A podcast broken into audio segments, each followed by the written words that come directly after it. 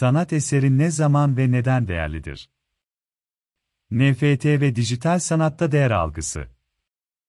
Yazan Dicle Yurdakul.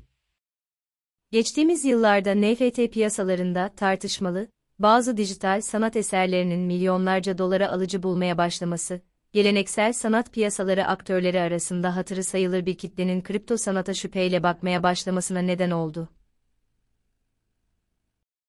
Özellikle Bored Ape ve Pak Cubes gibi dijital sanat eserlerinin müzayede evleri tarafından satılmaya başlanması tartışmaları alevlendiren gelişmeler arasındaydı. Öte yandan müzayede evleri, sanat dünyasının kaçınılmaz evrim sürecinin, geleneksel, sanat tüketicisinin de ilgisine mazhar olabilmesi için, bu kitleye de hitap edebilecek koleksiyonları dijital eser gamına dahil ederek mevcut şüpheci algıyı kırmaya çalışıyorlar. Bu sürecin önemli oyuncularından biri olan ve Metaverse'de de şimdiden yerini alan Sotheby's, geleneksel koleksiyonerleri ve sanat severleri de NFT dünyasına çekebilmek için sanatın ortak dili üzerinden yeni stratejiler izlemeye başladı. Teknoloji ve sanatçının işbirliği yaratıcı alanda sanatçıya yeni imkanlar açarken, aynı zamanda onlara izleyiciler ve koleksiyonerlerle yeni mecralar üzerinden buluşma imkanı da sağladı. Bunun ötesinde, dijital sanatın sunduğu deneysel ortam sayesinde yalnızca sanatçı değil, izleyici de kendi sınırlarını esnetmeye, farklı deneyimleri keşfetmeye ve bu keşifler üzerinden yeni ilgi ve beğeniler oluşturmaya başladı. Blok zincir ve NFT teknolojisinin provenans ve mülkiyet bağlamında alıcılara sağladığı fonksiyonel yararların ötesinde, bu deneysel ortamın sanatseverlere sunduğu alternatif deneyimlerin de piyasaların süratle gelişmesinde önemli bir payı olduğu bir gerçek. Öte yandan, tıpkı kripto para piyasalarında olduğu gibi, kimilerine göre bir hype ya da balondan ibaret olan ve gerçek bir değer önermesi içermeyen bazı dijital sanat eserleri ve NFT'ler, bu alanda faal olan yatırımcıların gözünde iyi birer yatırım aracı olarak popülaritesini koruyor. Pandemi döneminde geleneksel yatırım araçlarından süratle uzaklaştığını gördüğümüz orta sınıf yatırımcıların odağı haline gelen NFT piyasaları özellikle 2021 yılında süratli bir yükseliş gösterdi.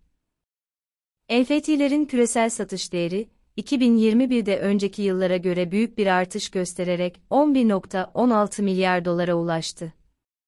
Sanat segmentindeki NFT satışları ise 2021 yıl sonu itibariyle 2020'deki 20 milyon dolar seviyesinden 2,57 milyar dolar seviyesine yükselmişti.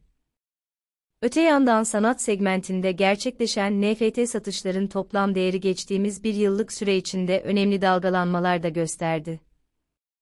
15 Nisan 2021 itibariyle, önceki 30 gün boyunca Ethereum blok zincirinde kaydedilen NFT satışları yaklaşık 73 milyon dolar değerinde bir toplam değer üretirken, Mart 2022 itibariyle 30 günlük toplam satış değeri yaklaşık 37 milyon dolar olarak gerçekleşti. Bu dönemsel düşüşlere karşın, piyasa hacmi ve ilerleme hızında herhangi bir gerileme beklenmiyor. Zira Ekim 2021'de yayınlanan bir araştırmaya göre, dünya çapında blok zincir teknolojisini işlerine entegre etmeyi düşünen sanat platformlarının payı, 2021'de önceki iki yıla göre önemli bir artış kaydetti. 2021 itibariyle, çevrim içi pazar yerlerinin yaklaşık %41, i-blok zincir teknolojisini benimsemeyi düşünürken, bu pazar yerlerinin yaklaşık %10'u zaten bu teknolojileri süreçlerine adapte etmişlerdi. Bu hızlı dönüşüme karşın geleneksel koleksiyonerler tarafında bu piyasalara halen büyük bir temkinle yaklaşılmasının pek çok sebebi var. Ancak bu sebeplerin belki de başında gelen değer algısı, değiştirilmesi ve dijital sanat ve NFT piyasalarının lehine çevrilmesi oldukça güç bir algı. Bir sanat eserinin değeri tam olarak ne anlama gelir? Değerin belirleyici otoritesi kim ya da kimlerdir? Yeni nesil dijital sanat ve NFT piyasalarında bu değer algısının yaratılmasını sürecinde, otoritelerin kararı ile piyasanın mutabakatı arasında bir farklılık oluşabilir mi? Otoritesiz bir piyasa mümkün olabilir mi?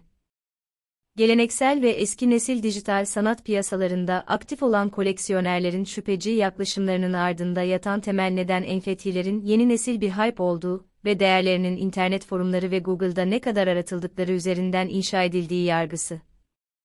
Sotheby's son zamanlarda NFT'lere dair değer algısını olumsuz ve şüpheci tarafa çeken, bu yargıyı kırmak üzere, geleneksel ve yeni nesil dijital sanatı bir araya getirmeye dayalı yeni bir strateji izliyor.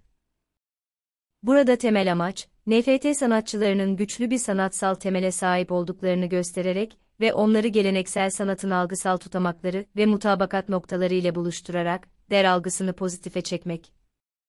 Bu yönde atılan adımların en önemlilerinden biri de 18, 25 Nisan 2022 tarihleri arasında sergilenecek olan Nativeli Dijital, Dijital'in yerlisi, koleksiyonu.